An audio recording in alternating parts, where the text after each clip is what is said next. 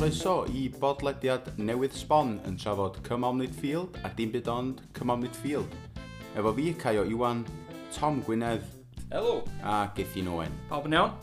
Mi fyddwn ni'n trin a thrafod yn hoff gyfres deledu ac yn siarad efo rhai ddoth ar cyfan yn fyw, gan obeithio rhoi gwedd newydd ar hen glasur.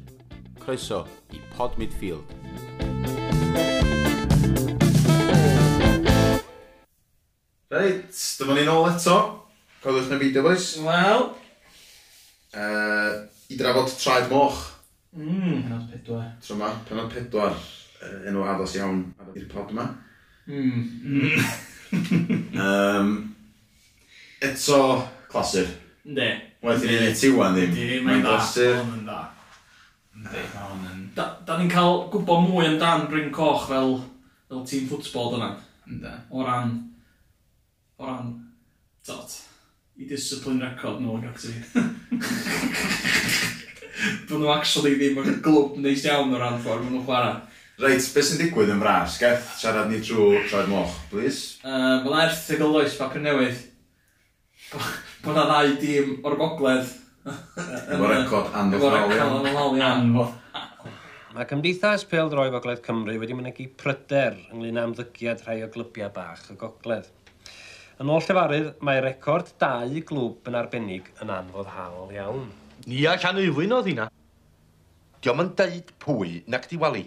Yn ôl un dyfarnwr, poerodd cefnogwr ar ei ben moel, tra oedd o'n plygu lawr. Chi o hwnna, welis i chi?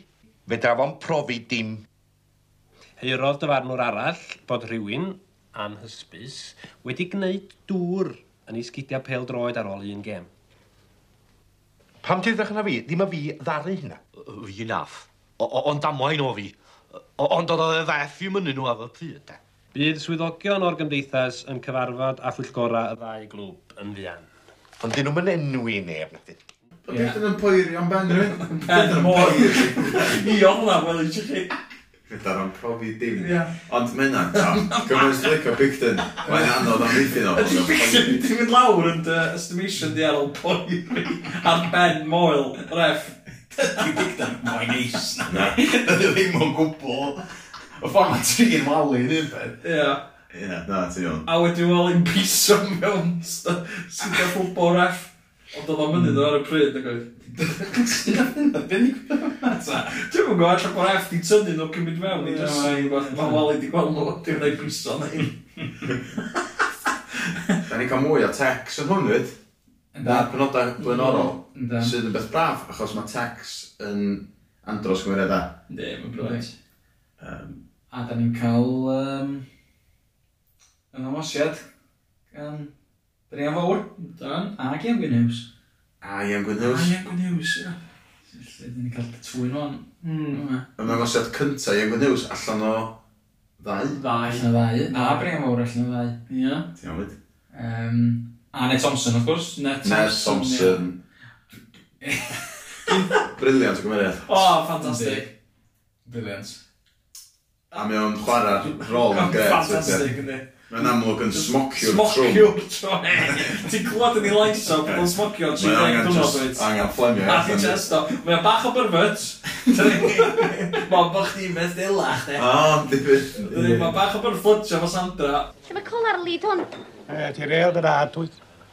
O, bod chdi'n beth dilach, te. Bo a Reg Clark di elynion mwyaf bigdyn. Bigdyn. Ond dwi'n teimlo rhywsyd bod Bigden weithio'n cael y gorau o'n net, ond dan am o'n cael y gorau yn y trac. Clark, ie. Mae'n gallu gwybod sydd i handlo o'n ned. Ni mae'n meddwl mae'n gallu. O, ti'n gweld bod y ddau dîm wedi cael mention papur? Diolch yn enwi neb. Ia, ddylia ti fod yn falch. Na'r unig ffordd fynd at y dîm cinio gan dîm a di ffindio ffordd i'r papur. Uh, ar wahân i'r sgol cricia gan un derbyn i ddisadwn ne. Chdi a par mi. Dwi'n ffansi oedd o Johnson? Dw. Dec bent anni. Igian. Deg ar igian. Hanna cant. Wali. Dan. Diolch yn enwi neb, ynddi. Victor na licio pwy ti'n yna allan ddim. Ond mae Ned Thompson yn o'n syth. Ti'n gwybod hynna, ni'n cael mench y bapur. Ti'n gwybod yn wyneb? Fi ni parod y dîm, gyda'r gyda dîm, dwi'n gwybod i papur Picton. Ar ôl, ar ôl hynny sgol cricket, gwneud ni'n debyg i so.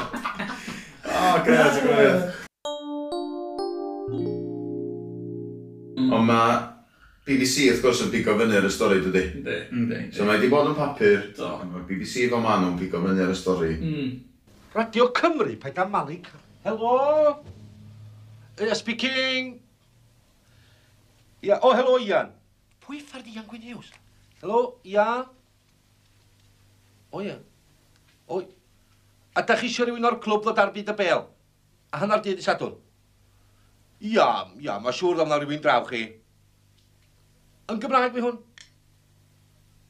Be, bob gair lle?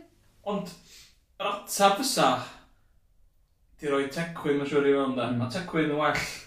Mae tecs yn syni bod yn gofyn yn byd yn yn deg. A nid yw'n sa'ch chi oedd yn mysio.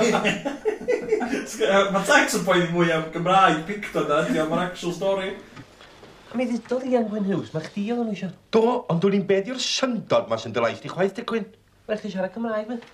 Cwrs am gwrando na chdi a Sandra, cwrs o ddim bod fi'n siarad Dutch. Be dwi'n siarad rwan ta? Be dwi'n siarad rwan? Double Dutch? Watch it. Chdi, Eli, watch it, me chdi. Di yn ddim yn Gymraeg na chdi. Di ddim siarad ar Radio Cymru, dda ti'n siarad fo ni, ysdi. Na, achos maen nhw'n gwando na chi a Radio Cymru, chi. Ydyn nhw'n fler yn rhoi rhywun ymlaen beth bynnag, lle? Well, just peidio. Peidio ansab i beth. O, oh, no comment. Ia. Ne, roi drewyn sa'n gallu actually, fel text, ac ti'n mynd text gyda atab bach well am peidio. Ond yn amlwg, yndi, mae taxa'n botloi. Be maen nhw isio yn fwy na dim byd ydy rhywun sy'n gwybod rhywbeth am ffwtbol, te. Pam gofyn i chi, ta? Cai hi. Dwi'n meddwl dyn ni gael bleidlais. O'r gorau, o'r gorau. Yr hyn sy'n ger ein bronau ydy dewis prydau Tecwyn Parry neu Arthur Picton sy'n cynorchioli'r clwb ar byd y bel. Ond be mae'n cytuno di, na i ddeitha chdi be i ddeud, wrth gwrs, mae mab text ydy, mm. yn adrodd e. Felly, i egluro, mae o wedi bod yn dysgu i fab sydd mae adrodd mm. dan orychwyliaeth Jean Parry. Do. Be oedd y dan? Yn cofio? Cwmpenant. Cwmpenant, da iawn, ia. Sa'ch chi'n gallu dyfynu? Uh, pa mae'r glwydd wnaeth os gwmpenant mor blws a bywyd Henry Gael mor fyr? I ddweud, e, da. Ond wrth gwrs, dwi'n text i'n rili, achos chwarae cardia man o te. Wel, ie. Mae'n gwybod bod i wraig o di, yn gwrando, tio dros. Um, ond ia, ta waith, So mae o, ia, mae hwnna'n ma hwnna clyfar fel ti dweud ydi. Achos beth sy'n digwydd wedyn, wrth gwrs, yr un, yeah. yr un shot am ni o tex ar y soffa, ia. yeah. a dyn pan mae'n panio allan, dim y mab mabs yna, ond... Pwylla, paid ar ithro, ti'n siŵr o'n is monach o'n i, Ron Sadwn. A mae'r camera'n panio fyny wedyn. I ddang o'r llai, na bigdod. Efo darn o mapur o'i blaen. Trio wafflo i allan o'r sefyllfa. Wel, Ian, diolch i chi am y cyfla i gael dod yma heddiw i atab yr hei... hei... yr heir... heir... Heiriadau. Heiriadau yn yr erthil yn y papur. Erthigl. Erthigl. Tri eto. Ia, ond gael ddefnyddio papur ca. Pei, siŵr. Mo'n chdi fi yna fangor li. Fe ddian Gwyn Hughes yn gael dydd bydd. Wel, ia, bys am gofyn cwestiynau sy'n hollol wahanol i'r atebion sgyn i fama. Mo'n deud, uh, helo Ian, dwi'n mynd eich clywad chi. Dwi'n fyna neb i'n callach na fydd. Mae digwydd o hyd ar Radio Cymru. Mae'n anodd gen i gwelio bod o'n gwybod beth i ethigol fydd. Mae'n er brag o dda, come cyfan. Yn yr erthil. Erthigol. Ond mae'n erthyn eto. Yn y papur. Ond mae'n mynd at un o llunella gorau fi, really, dwi'n meddwl, yn y benod yna, ydy...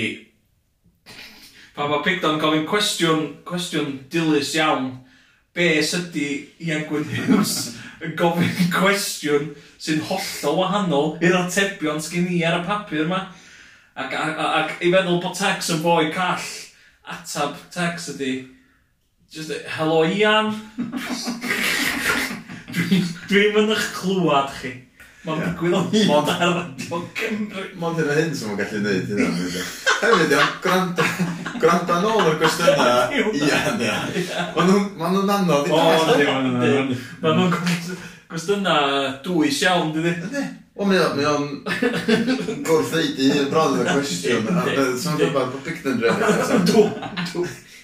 Felly, dydych chi erioed am wadu mai nid ych chi ydy un o'r tîmau sydd ddim yn cael ei henwyn yr adroddiad yma? Ia, Um, na ci. Dw, dw, dw, dw. A dydych chi ddim am wrthod cyfadde nad oes lle i gredu eich bod chi yn dwy'n gwarth ar y gêm yn y gogledd? Nac dw. Do. Nagos. Na. A speech fiction. Mm. Mae'n un o hynna, sa chdi'n hawdd yn gallu rhaid ar wal, ynddi. Mm. Mm. Mae'n biwt ar y speech. Ynddi, ynddi. Lle mae'n jyst roed y papur lawr, ynddi. Mm. Grand Ie, yeah, mae hon dod o'r galon, ia, stwffiad y sgript yn gwyn. Ie. Basically, dwi'n mynd da, dwi'n mynd allo. Mae'r sgript lawr ar deiti, di. Ac onid chi fel rheolwr y clwb sy'n gorfod erbyn y cyfrifoldeb, Mr Picton? Wel, Mr Picton. Gwranda ia, dwi wedi bod yn rhedag tîm ffwtbol Bryn Coch ma, es dros 20 mlynedd, a dwi'n gwneud hynny heb aberth, o naddo. Aberth teuluol. Dwi bron di colli nabod yn y wraicw. Y clwb bellach ydi fy ilwy di. A mae prawn sadwn fel diwrnod y mywyd y teulu i mi. Yr hwgia ydy'r plant. Wel, dwi'n gorfod gwisgo amdanyn nhw cyn y gyrru allan i chwarae. A bod wrth law i ddwrdio nhw weithiau, i godi clona nhw, Dyn ni'n eu clwyfa, amddiffyn nhw, gwarchod, gwneud te iddyn nhw, cyn i dadwisgo nhw, a rhywun yn y bath, a wedyn noswylio. Gan obeithio bod y profiad wedi gwneud nhw'n ddinasyddion gwell yn aelodau teilwng o'r ddyn rhyw. Ac felly, ia ia, y fi fel reolwr sy'n derbyn y cyfrifoldeb. Ond cyfrifoldeb y dwi fod mwy na pharod i'w dderbyn. Ynddi, ond yn glyfar ydyn mae'n siarad yna. Mm. Colli'n abod ar y rhaid cwm, glasig. Ynddi, ynddi. Ynddi, ni bwto nhw, oedden y bath. Eto, pinsiad, pinsiad o halan. O ia, mae o'n... Allan gweld, oedd ei harri yn y bath. Greia, mae'n da. Ond be na, be mae'n trio dweud ydy, dwi'n... Dwi'n edrych ar ôl, dwi'n dwi, dwi, dwi, dwi, dwi, dwi, dwi, dwi, dwi, dwi, dwi, dwi, dwi, dwi, dwi, dwi, dwi, dwi, dwi, a dwi yn heindin, heindin uh, plan ti mewn ffordd lle da, mewn ffordd mm. siarad lle. Eto, beth ti wedi cyffwrdd o'n fo blaen, Tom? Uh, beth mae clybiau hyd a lled Cymru yn gallu neithio fo fod e. Mm. Dwi'n gymaint o ymroddiad ti'n rhoi mewn. So allan mm. dychmygu fo Bigden yn cael dim diolch am y gwaith mae'n neud. So dwi'n coch. Mae o'n job di diolch dydy. A be mae Wally yn neud o ran mm. y gwaith yna, gwaith tu ôl i'r tîm, yeah. mor bwysig, ond um, fel arfer yn cael ei anghofio. Ynddi, ynddi. Na ti iawn, o'r galon, a mae'n mm. glasur.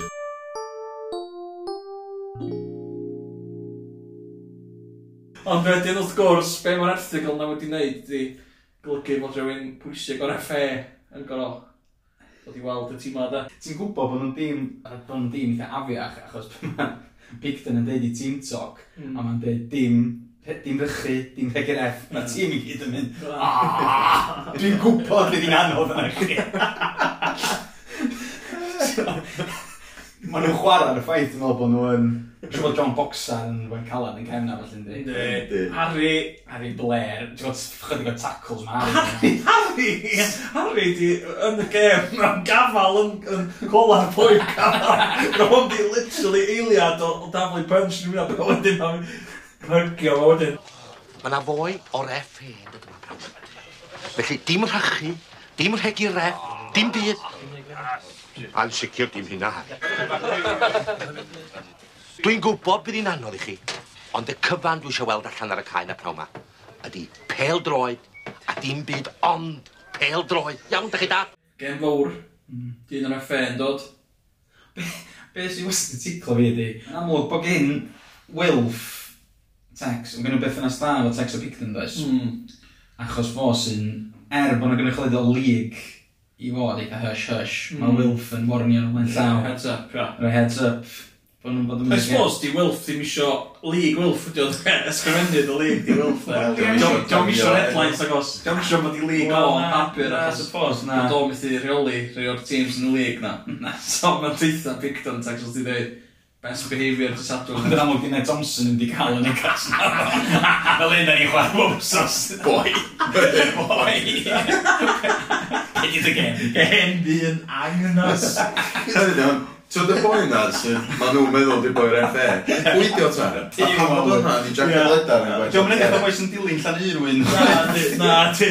A da ni eisiau dod yna, ond y sy'n o sy'n sgora, Canfield pan maen nhw'n gweiddi ar ei gilydd ar ochr cael Picton a Wally. Dwi'n meddwl y dyliau ref bod wedi caniatau y gol na, Wally. O, pam sy'n fysio ni sy'n? O, pam sy'n ni'n codi dy limant ar lemon? O, gos o chi wedi deitha fi i byd mynd y gwoes i fef? Mr Bydden! Hac o'r mawth! Gymaint o ti'n gallu rewindio ar DVDs di mynd efo byddai'n mynd nôl at yr olwg fan. I blant ni. Ynddi. Mm.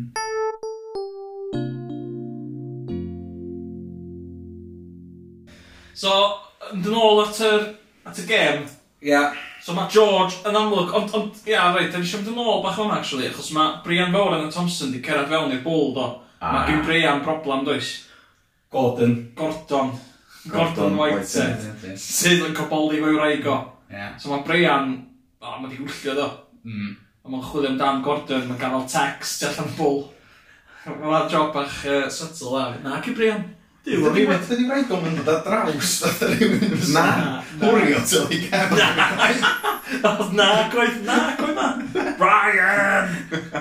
Glenys. Ia, Glenys. Da ni'n cyfeirio at Glenys, wrth gwrs. Wel, gan gymeryd na Glenys oedd i Michael yn yr un yna fyd, wrth gwrs, ond... Mae na ddwy mlynedd yn heibio sdi, tan da ni cael mm. gweld Brian eto. Felly allan bod wedi cael... Allan bod ar ei ail wraig yn y Glenys, to. Mhm.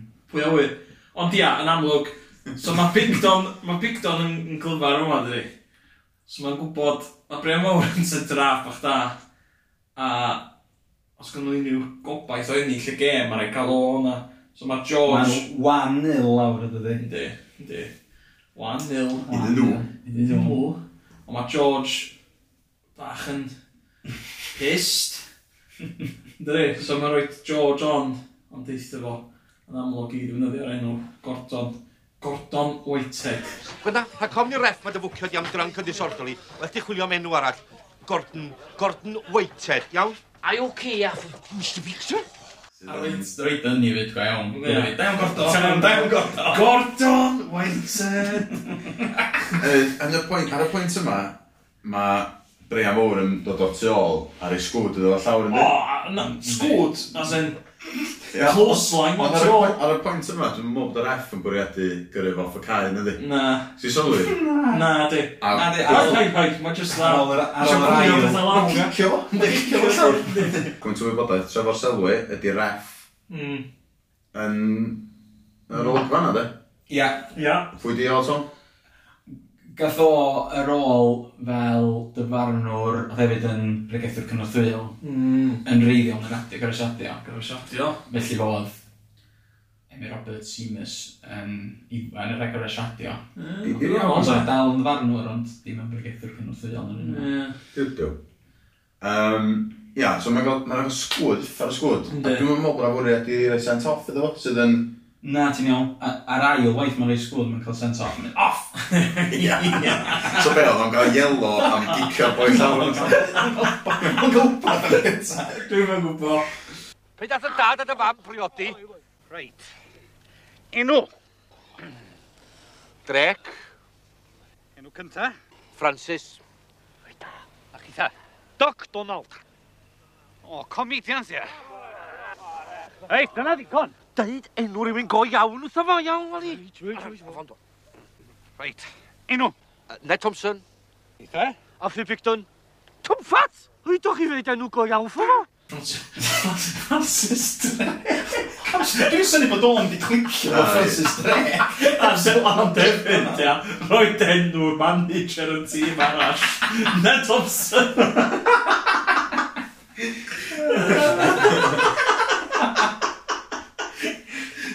Gwynna Thompson. Rwy'n ni dyn ma fe Thompson ar yr ochr. Gefyn off, na chi! Reit, off! Hei, Gordon, deud wrth Brian be nes ti fo'i wraig o neithiwr.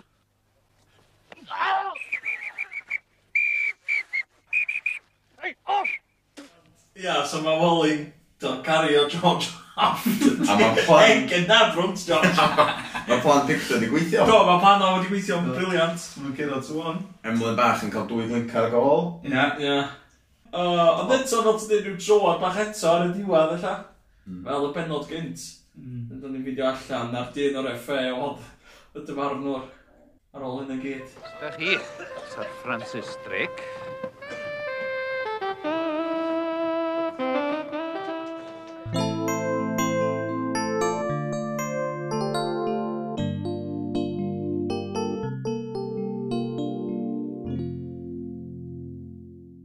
Mi alla rhywun ddadla fod ein gwestai arbennig ni heddiw wedi cyfrannu mwy at yr iaith Gymraeg ar lefel rhyngwladol na llawer un o'i genhedlaeth.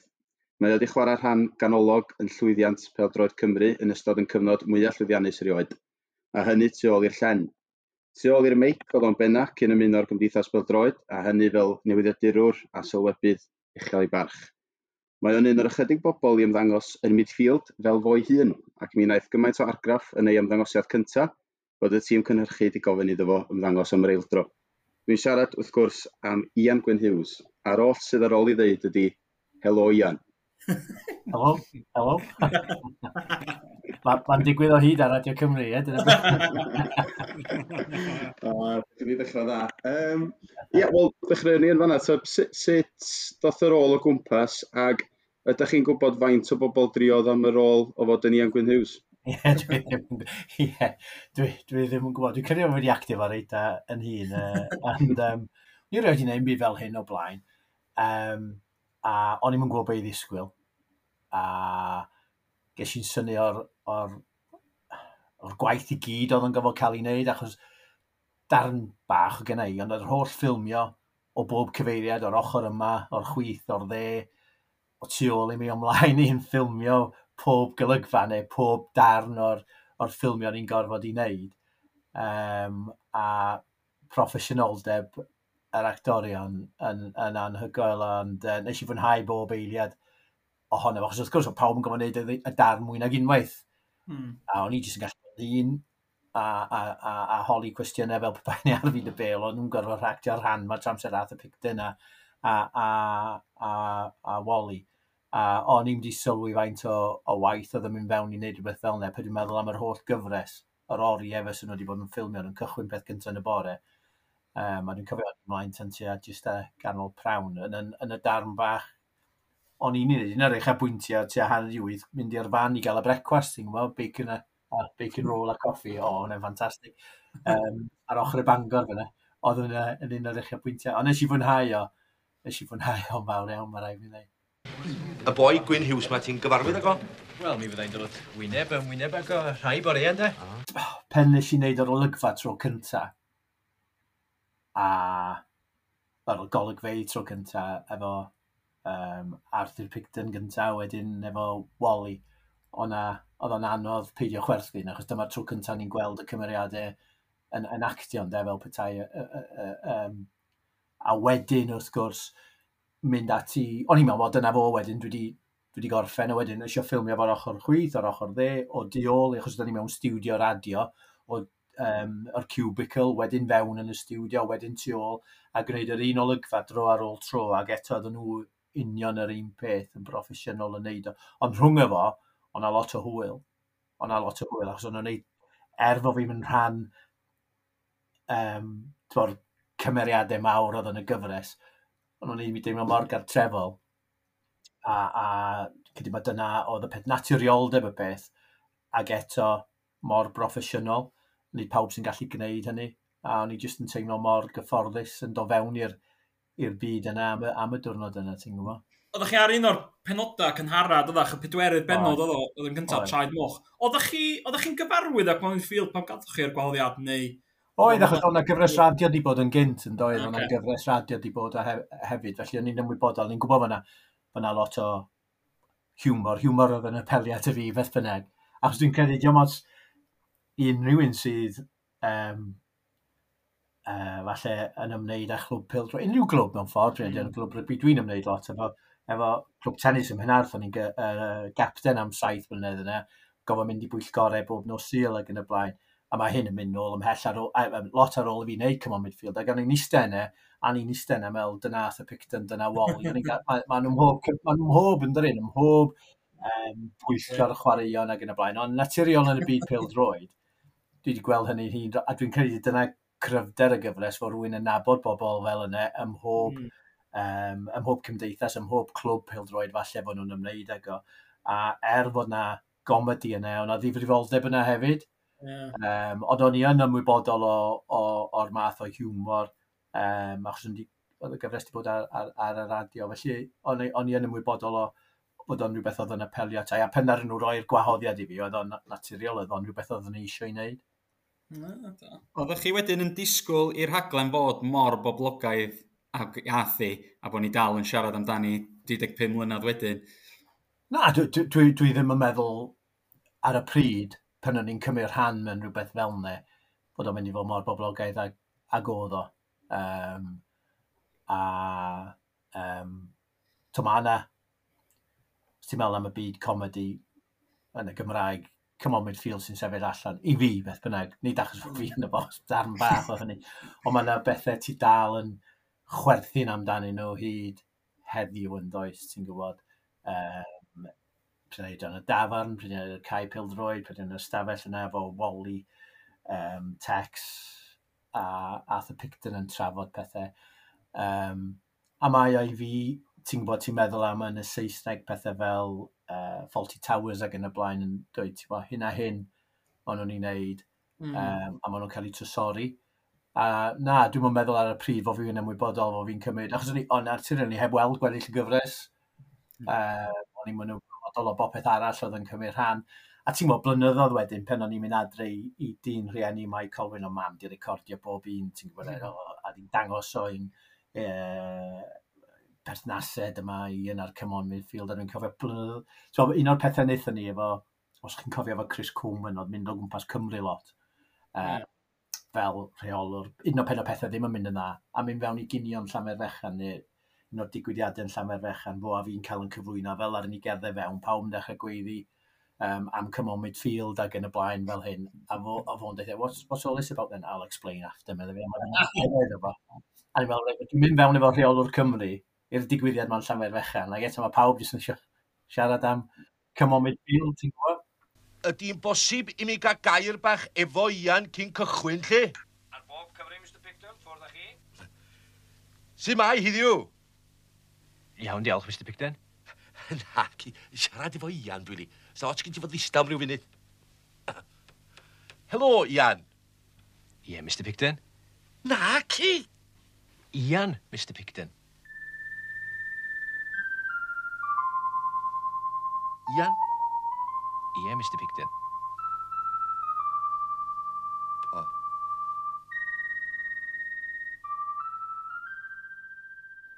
Ie, yeah, nath ni'n sôn bod bo chi'n, pa bod chi'n teithio efo Coleman ag ati rhwng Cymru, ydych chi'n cael lot yn gofyn am Common Field ydych chi?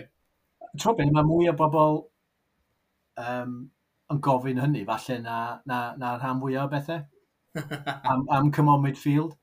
Um, a di dibynnu ar oedran bobl, yeah. ac eto ti'n syni faint o bobl iau sydd wedi wylio fo hefyd ti'n gweld fel petai nhw mm. yn dal i fyny efo'r peth. Ac yn yeah. ffordd wedi cael ei basio lawr oherwydd, am wrth gwrs mae'n ail ddarllediadau yn does.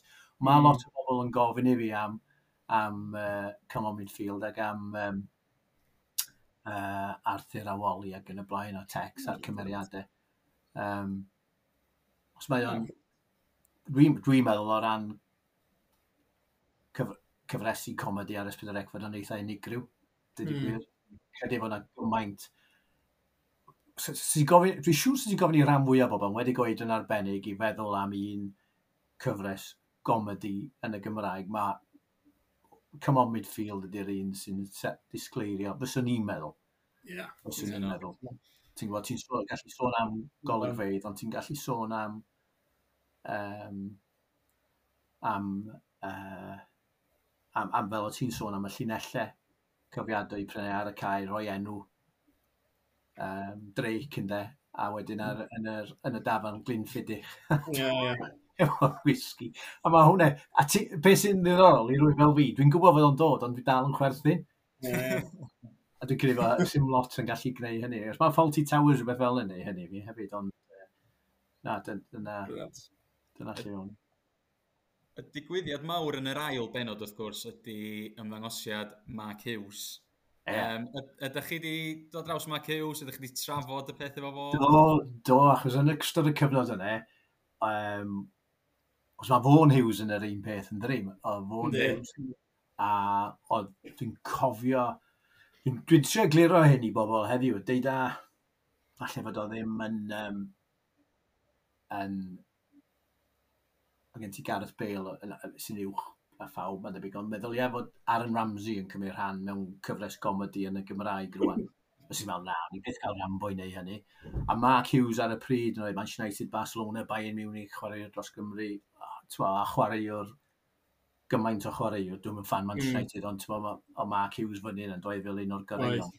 A dwi'n cofio lot y sôn ar y pryd, ond o'n trio cael Mark Hughes i fynd ar cymol cymomid na, beth gael hynny yr un ffordd yma, nhw'n ymateb yn y, yn y rhaglen ei hun yn den, A, yeah, yeah.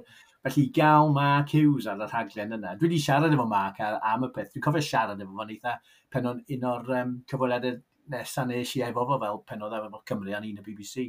Dwi'n o, ti'n gweld, dwi'n deall ti wedi ffilmio ar, ar Cymru Midfield ac oedd o'n sôn am hynny, a wedyn um, uh, a, a fi'n defo fi wedi ffilmio hefyd yn yr un um, uh, yr un uh, ar gyfer yr un rhaglen, a yr olygfan yn y, yn y capel. Hmm.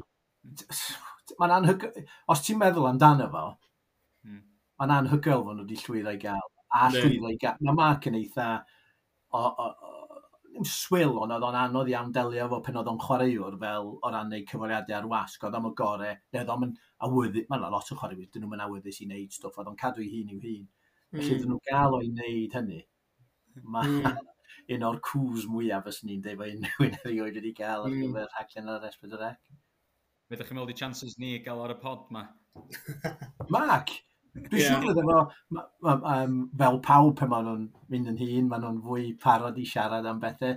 Dwi, neud, dwi heb wneud lot efo'n diweddar, achos ond on i yn wneud lot efo fo. Um, dwi'n siŵr fydde fo'n rwy'n fydde fo'n dod ar i siarad am sut fod wedi cael cynnig yr rhan, y ffilio yeah. o'r ofal ynddo. Ie, yeah, wrth gwrs. A wedyn cael ei fynd i'r capel fyna. Dych chi'n meddwl sa'ch chi'n gallu rhoi gair da mewn ar y rhan? Ie, na i cael... Um, a'i jecio os oes gen i rif cysyllt iddo, a na i rif i ti, dwi'n mynd, a na i drio. Chwilio rhyw wabon.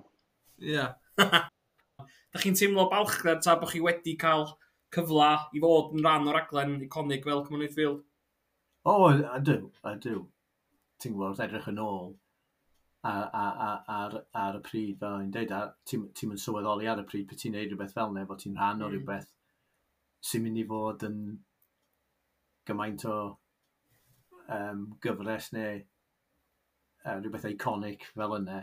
Mm. A cael y fraint o fod yn y, ti'n bo, efo bobl fel John Pierce Jones, efo um, George, efo Wally, ac yn yeah, y blaen, yeah. ti'n gwybod, ti'n just yn... Um, a'r cymeriadau eraill i'r gyd yna fo. Ti'n gwybod, dwi'n cofio, ti'n sôn am, am, am, am, am uh, George, am lle yn sôn am Chris Coleman.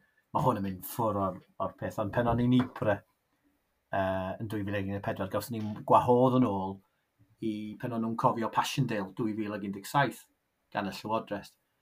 A o'na seremoni yn Langemark um, yn belledd gath Hedd Wyn i la. So, o'n i wedi mynd draw fi, Kit Simons, Chris Coleman a Mark Evans o'r Gymdeithas Pildroed. So, wedi gwrando hamser cynio na brec hamser cynio rhwng bopeth. A mynd chi fewn i Ypres, a chi'n weld y Menin Gate ag yn y blaen. A fel o'n i'n eistedd lawr yn y sgwar yn Ypres, mae yna ddau fys yn troi fyny. Yr um, um, Headwind Tours yn det, ti'n gwybod, yn mynd rhwng. Yeah, yeah. A pwy oedd yn arwain un yn nhw? O Llion, oedd George. a dda ddo allan. so o'n i'n egluro rwan i Chris, remember me telling you about come on midfield? Well, a wedyn mynd draw, a'r holl bobl ma'n dod o ddi ar y bus. Dyna chi'n mynd iawn, sy'n uh, Chris Coleman, llofnodi, na gawn ni lun efo fo. Felly ti'n hanol sgwar Ipra. Dau bus, un o Gynarfon, un o Sir Fôn, o Llion yna, e, gyda George Cymon Midfield a Chris Coleman. a just, waw, ti'n gwybod? A, a jyst clywed yr holl Gymraeg, a pawb yn dod at ei gilydd, ti'n gwybod? So na, wrth gwrs fod ti'n edrych yn ôl a meddwl, efo balchder fo fi wedi bod yn yeah. rhan o'n, ti'n gwybod? chod, wrth edrych yn ôl yn gyntaf ar eich cyfraniad chi Come On Midfield, sut fysa'ch chi licio i bobl eich cofio chi, ag yn ail eich adnodyn bach wedi frifo. Uh, sut fysa chi licio i bobl uh, chod, edrych yn ôl ar eich cyfraniad chi i Beldroed yng Nghymru?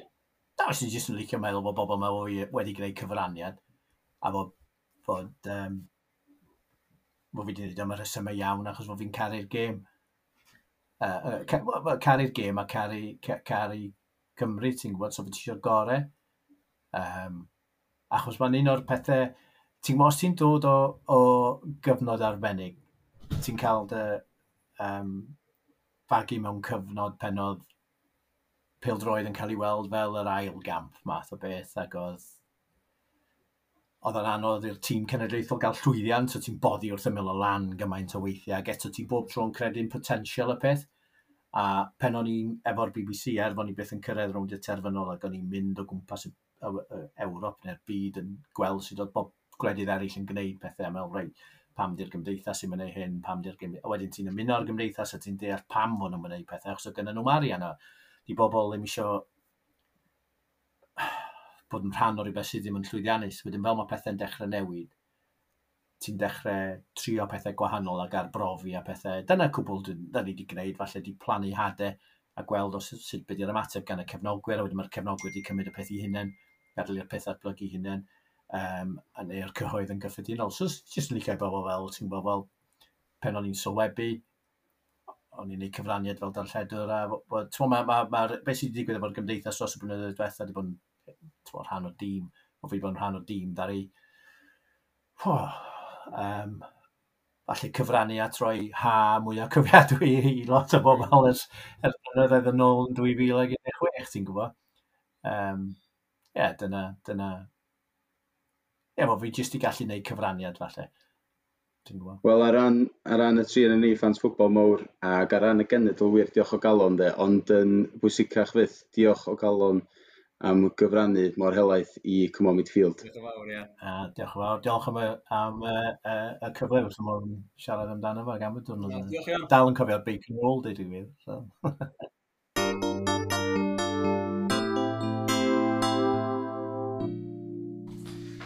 Iawn, wei amser sgors, amser sgor!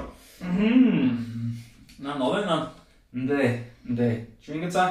Ia. Cer amdani, met. Um, Dwi'n licio hon. Mae hon fydd yna efo'r gwirion. Um, Byddai'n fyddai'n dweud amdano nhw gyd, dwi'n yma. Mm.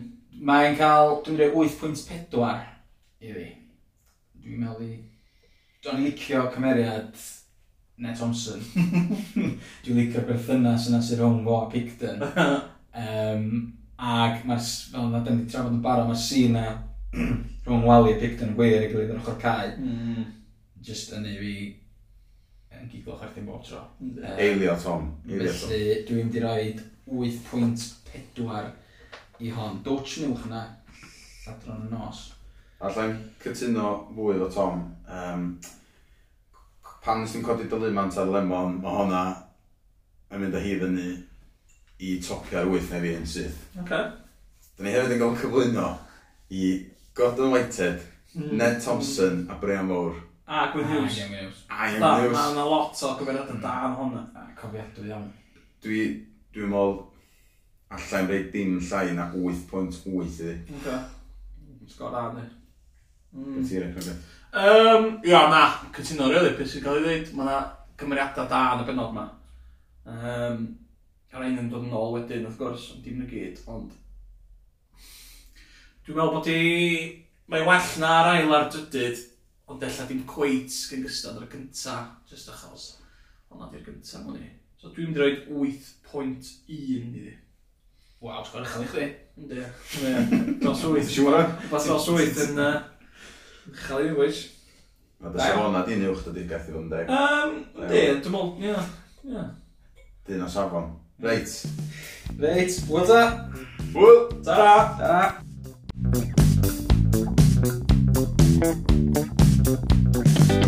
fysa criw pod midfield o licio diolch o galon i Esbydrec, Rondo Media a recordio sain am roi caniatad i ni ddefnyddio clipiau o'r gyfres dyledu. Diolch hefyd i Gethin Griffiths ar y band Cube am y gerddoriaeth. Diolch i'n gwesteion ni a diolch yn benna oll i chi am rando. Mi fydd ansawdd y sain os nad y drafodaeth yn gwella dros amser dwi'n addo. Tan tro nesaf. Iawelo, hwyl rwan ta Ian. Ta-ra!